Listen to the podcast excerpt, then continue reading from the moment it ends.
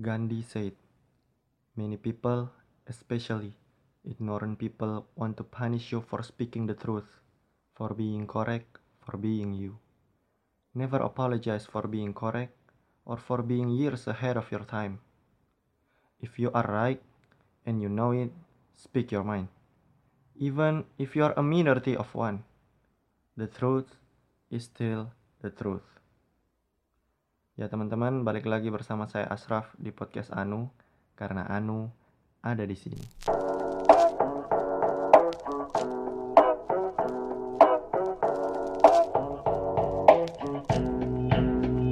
Welcome back, sir. Ya, itulah kalimat yang saya bisa ucapkan untuk kembalinya sosok pemimpin yang kinerjanya luar biasa. Menginspirasi banyak orang, patut untuk dicontoh juga kinerjanya oleh pemimpin-pemimpin lainnya. Ya, teman-teman, balik lagi di podcast Anu episode 3 dari judul podcast ini mungkin teman-teman bisa tahu siapa yang saya bakal ngomongin kali ini. Ya, yaitu Bapak Ahok Basuki Cahayapurnama. Dia resmi keluar dari penjara pada Kamis 24 Januari 2019 setelah 2 tahun di penjara kurang lebih sejak 9 Mei 2017 berita tentang keluarnya Bapak Ahok dari penjara ini cukup trending di mana-mana di sosial media. Di, yang saya lihat di Twitter pada hari Kamis itu bahkan 5 trending teratas di Indonesia dikuasai dengan hashtag tentang Ahok. Ada Ahok bebas, welcome back Ahok, dan lain-lain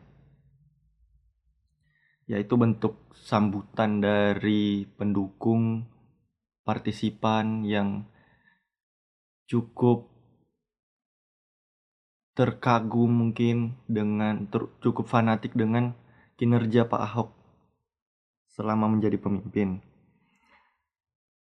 Hmm, terus salah satu yang bikin tweet tentang keluarnya Pak Ahok ini yaitu salah satu artis ADMS. Dia mengatakan Basuki at Basuki BTP bukan manusia sempurna, tapi dia memberi keteladanan dengan bertanggung jawab atas ucapan atau tindakannya, tidak kabur, tidak pernah mangkir di setiap pemeriksaan atau sidang, tak melawan saat ditahan. BTP menghimbau simpatisannya untuk tidak menjemputnya hari ini. Ya dia Pak Ahok tuh pada saat proses keluar dia menghimbau kepada simpatisannya untuk tidak menjemput tapi tetap aja banyak orang yang sangat antusias dengan keluarnya Pak Ahok dari penjara ini. Pak Ahok ini sebelum masuk penjara, for your information, dia pernah menjabat di sebagai Bupati Belitung Timur pada tahun 2005 sampai 2006. Dia juga banyak berkiprah di partai politik di PPIB, Golkar, Gerindra. Terus dia terakhir tuh independen pada saat setelah Pak Jokowi naik jadi presiden. Terus dia pada saat Pak Jokowi jadi presiden, dia itu posisinya jadi wakil gubernur. Nah, karena Pak Jokowi naik, dialah yang mengemban posisi sebagai gubernur, mau menggantikan Pak Jokowi. lalu terakhir lalu wakilnya itu diganti jadi diangkatlah Pak Jarot Saiful Hidayat Pak Joko eh, Pak Ahok juga pernah menjadi anggota Dewan Perwakilan Rakyat pada tahun 2009 sampai 2012 sebelum jadi wakil gubernur. Ya cukup banyak sih kiprahnya di politik di Indonesia di guber di di government terutama. Tapi dulu sebelumnya tahun 90-an itu Pak Ahok ini pengusaha. Dia banyak berbisnis. Kayak tahun 92 itu dia bangun pabrik gravel peksen oh itu pada tahun 95 92 dia jadi direktur di PT Nurindra Eka Persada ya dia memulai dari bisnis awalnya. Banyak sih kiprahnya penghargaan. Sebelum jadi masuk penjara tuh tapi sebenarnya memang Pak Ahok ini orang yang luar biasa dengan berbagai kiprahnya berbagai tindakannya. Maka itu dia banyak mendapatkan penghargaan. Seperti dia dapat penghargaan sebagai tokoh anti korupsi dari unsur penyelenggara negara dari gerakan tiga pilar kemitraan yang terdiri dari Masyarakat Transparansi Indonesia tahun 2007. Dia juga terpilih jadi salah satu eh iya, dari 10 tokoh yang mengubah Indonesia versi majalah Tempo. Terus 2013 dia dapat penghargaan anti korupsi lagi dari Bung Hanta Anti Corruption Award. Ya emang sih kalau mau dilihat Pak Ahok ini salah satu orang yang pemimpin yang jujur. Dia orang yang bersikeras melawan korupsi dan sangat bertanggung jawab, sangat loyal dengan pekerjaannya. Makanya tuh kadang kita mungkin teman-teman lihat sebelum dia masuk penjara, dia lagi memimpin itu kadang teman-teman bisa lihat di TV videonya di YouTube, dia itu marah-marah. Tapi balik lagi dia itu punya maksud di balik semua itu untuk memaksimalkan semua lini di jajarannya untuk membangun kota Jakarta. Ya walaupun tidak semua bisa menyenangkan eh tidak tidak bisa menyenangkan semua orang. Sebelum masuk penjara juga Pak Ahok itu sebenarnya banyak banget sih infrastruktur yang dia tinggalkan, yang dia bangun seperti yang dikutip oleh detik.com itu ada Masjid Fatahillah, Underpass Matraman, RPTRA Kalijodo, LRT Jakarta, Underpass Mampang Kuningan, Flyover Pancoran, Transjakarta Layang Koridor 13, Simpang Susun Semanggi. Itu cukup banyak untuk infrastruktur gede yang dibangun oleh Pak Ahok, belum yang kecil-kecil. Lalu ya balik lagi sih. Dua tahun yang lalu dia kena kasus hmm, tanggapan saya mengenai penistaan agama yang dibilang itu ya memang sih dia salah. Jujur aja saya akui dia salah. Karena juga dia mengatakannya di ruang publik di luar ranah dia membawa-bawa ajaran agama orang lain ya balik lagi masuk ke wilayah orang lain dan membawa bawa-bawa ayat ya.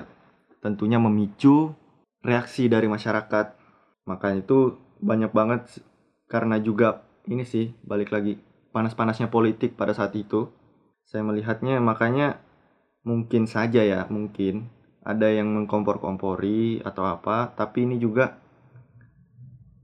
jadinya ada aksi 212 yang menyatukan umat Islam di Indonesia ini. Mereka bergabung ya sampai sekarang pun aksi 212 itu masih berlanjut ke aksi reuni. Ya di aksi-aksi yang menduk yang memprotes ini penistaan agama dari Pak Ahok itu banyak juga yang disayangkan banyak yang merasa dirugikan banyak masyarakat minoritas dapat tekanan sosial aksi dukungan untuk Pak Ahok pun banyak yang dirasis oleh oknum-oknum tak bertanggung jawab. Dilempari dikata-katai. Padahal sama-sama sih di sini. Ada yang mendukung Pak Ahok, ada yang me apa ya, yang tidak setuju yang protes dengan tindakan Pak Ahok yang salah itu. Di aksi pun yang menolak Pak Ahok pun masih ada saja oknum-oknum oknum-oknum tuh yang kulihat memanfaatkan momen membawa-bawa isu politik membawa kebohongan hoaks ujaran-ujaran kebencian yang tidak sejalan dengan ajaran agama Islam itu sendiri. Ya harapannya sih kebersamaan persatuan itu terus berjalan dan terus berada di track yang baik. Semoga lah nah balik lagi ke Pak Ahok. Di lapas teman seperti teman-teman mungkin tahu juga atau yang belum tahu juga tuh dia tuh banyak baca buku katanya. Dia beberapa kali didatangi dikunjungi oleh beberapa kawan sanak kawan dan beberapa media juga jurnalis. Katanya juga dia bilang kalau dia itu di sana baca Al-Quran terjemahan loh. Luar biasa. Itu katanya Al-Quran terjemahannya dapat dari seseorang. Makanya dia hampir selesai membacanya. Itu bahkan itu berbulan-bulan yang lalu. Mungkin sekarang udah selesai bahkan. Gak hanya baca buku bacaan dia luar biasa terus di penjara juga dia nulis buku kalau teman-teman mau baca itu judulnya kebijakan Ahok katanya sih kayaknya sih bagus karena penjualannya pun meroket yang digadang-gadang sih raup untungnya banyak hingga miliaran. Terus di dalam penjara juga Pak Ahok mendapat banyak siraman rohani kayaknya. Sehingga saya juga optimis banyak yang menjadi perbaikan diri oleh Pak Ahok. Banyak kebenaran-kebenaran yang dia dapatkan. Nah, kabar sedih datang saat dia di penjara itu saat dia bercerai sama istrinya nih. Nah, itu sih nggak tahu apa masalahnya dia sampai bercerai dengan istrinya Veronica Tan simpang siur sih apa alasannya nah dari pelajaran-pelajaran Pak Ahok itu di selama di penjara tentunya pada saat dia keluar banyak sih orang yang partis apa ini yang antusias banyak yang masih mengharapkan dia untuk jadi pemimpin di negeri ini. Terus setelah bebas nih, kayaknya Pak Ahok ini juga kan manusia yang biasa. Pemimpin juga kita lihat dia yang bertanggung jawab. Ya walau dia sempat melakukan kesalahan, tapi tidak semua juga sih manusia, kita harus akui tidak semua manusia sempurna. Sebelum masuk sebelum masuk banyak juga sebelum masuk penjara dia tuh banyak juga yang mendukung. Banyak juga pantis parti simpatisan yang terus mendukung Pak Ahok. Setelah keluar pun banyak yang menyambutnya dengan sukacita. Orang-orang melihat kinerjanya, bukan agamanya. Karena tidak tanpa melihat agamanya pun kita bisa nilai Pak Ahok ini luar biasa dengan berbagai gebrakannya. Sebagai WNI yang baik, dia pun melaksanakan hukuman dengan begitu sabar, sepenuhnya. Maksudnya dia tahu kalau dirinya salah ya sudah dia sebagai WNI yang baik dia menjalani proses hukum yang ter yang di yang kena ke dia. Tidak dapat diketahui juga sih apa nanti nih kira-kira Pak Ahok akan kembali ke politik atau tidak? Cuma dengar-dengar dari baca-baca dari internet menurut pernyataan Pak Jarot katanya dia akan menjabat di bea cukai. Mungkin. Nggak apa-apa sih. Bea cukai juga salah satu pintu banyaknya ini kan banyaknya korupsi-korupsi yang terjadi. Orang-orang yang tidak bertanggung jawab yang terus berusaha memperkaya dirinya masing-masing ya mungkin kalau misalnya Pak Ahok menjadi salah satu bagian dari mereka bisa melakukan banyak gebrakan juga saya sih pribadi masih mau melihat dia menjadi pemimpin, walau dia mungkin tidak diterima untuk menjadi pemimpin yang tingkatnya itu lebih tinggi. Saya juga masih mau melihat sosok seperti keras, yang keras seperti dia menegakkan keadilan. Walau jujur kadang ramai juga terlihat pemimpin yang strict dengan aturan, kekeh melawan kejahatan, akan tetap dijatuhkan saja. Saya ingat sosok-sosok inspiratif juga tuh seperti siapa seperti novel Baswedan yang kemarin sempat disiram air keras sama juga seperti Abraham Samad. Dia mereka berdua itu part dari part of KPK yang menegakkan keadilan agar orang-orang itu sebenarnya tidak korupsi. Ya kasus mereka jadi sangat complicated karena ada saja oknum-oknum yang ingin menjatuhkan mereka dan menutup-nutupi kejahatan. Balik lagi ke Pak Ahok, ya yang kutunggu-tunggu sih ini dari mulai keluarnya kemarin mungkin teman-teman bisa cek di YouTube-nya. Panggil panggil saja BTP kalau nggak salah. Panggil saya BTP itu dia ada channel YouTube sekarang hari satu keluar dia langsung mengecoh wartawan tuh dia keluar naik mobil bersama anaknya dan bikin vlog di dalam mobil itu banyak banget viewsnya sehari bisa sehari lebih tuh bisa nyampe sejuta views dan ada yang nge-tweet tadi saya baca di Twitter katanya sehari sekali upload dapat silver button dari YouTube. Wah. Gila sih. Ya boleh kalian lihat mungkin subscribe juga kasih dukungan ke beliau. Katanya sih biar orang bisa lihat keluarnya Pak Ahok tidak cuma lewat TV kata dia gitu. Bisa langsung lebih dekat. Lewat vlog pulang ke rumahnya itu. Itu bisa dilihat juga di vlognya kalau teman-teman nonton nanti. Itu ada impression dari Pak Ahok melihat Jakarta yang saat ini setelah hampir 2 tahun dan dia tidak lihat kondisi luasnya nah, dia janji juga sih katanya akan ada vlog-vlog lainnya rencananya juga katanya akan ada banyak cerita dan pengalaman dia di lapas, apa saja pelajaran yang dia, dia dapatkan. Dia juga akan membagikan ke, kebolehannya saat ini yang sebelumnya sebelum masuk penjara tidak ada, yaitu bermusik yang dinamakan timnya dia itu bareng teman penjara BTP. Dia katanya jadi vokalis kalau nggak salah. Terus desas-desusnya sih juga dia akan membuat show di TV nih Katanya sih bersama Ernest. Saya baca-bacanya gitu. Saya sih akan nunggu-nunggu ini. Tentunya akan sangat menarik jika benar ada. Dua sosok ini yang dalam tanda kutip minoritas, da, namun punya karya dan pengaruh yang besar dalam hidupnya. Pengaruh kepada masyarakat luas. Mereka sangat menginspirasi. Semoga nggak ada orang-orang alay, netizen-netizen yang protes dan ingin menjatuhkan heran aja sama orang-orang yang tidak bisa toleran. Lalu nanti juga katanya sih kabar gembira lainnya katanya Pak Ahok akan menikah. Ya teman-teman bisa lihat di YouTube juga sekarang lagi banyak yang lihat banyak cukup trending. Dia datang ke ke Pak Oso dia dalam tanda kutip minta izin untuk menikah. Dia datang bersama pasangannya Bribda Puput. Nah, ini dari Bribda Puput ini kan dari kepolisian. Ya, nanti teman-teman bisa lihat di YouTube itu dia ceritain gimana cerita lucu di balik dia bisa jatuh cinta sama Bribda Puput ini. Terlebih kalau mau dilihat-lihat ini umurnya jauh. Pak Ahok udah 50-an lebih. Bribda Puput ini 22 tahun ini. Berarti cukup masih cukup muda. Ya bisa li kalian lihat di YouTube. Semoga diberi jalan yang terbaik buat mereka. Mana tahu ada hidayah yang datang. Eh.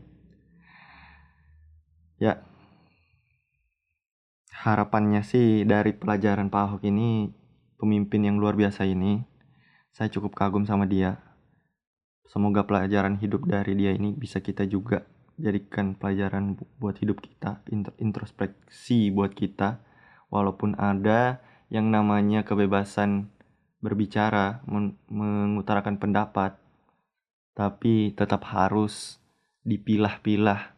Jangan sampai mengocak, mengobrak-ngabrik ranah orang lain dan berbicara tidak di ranahnya.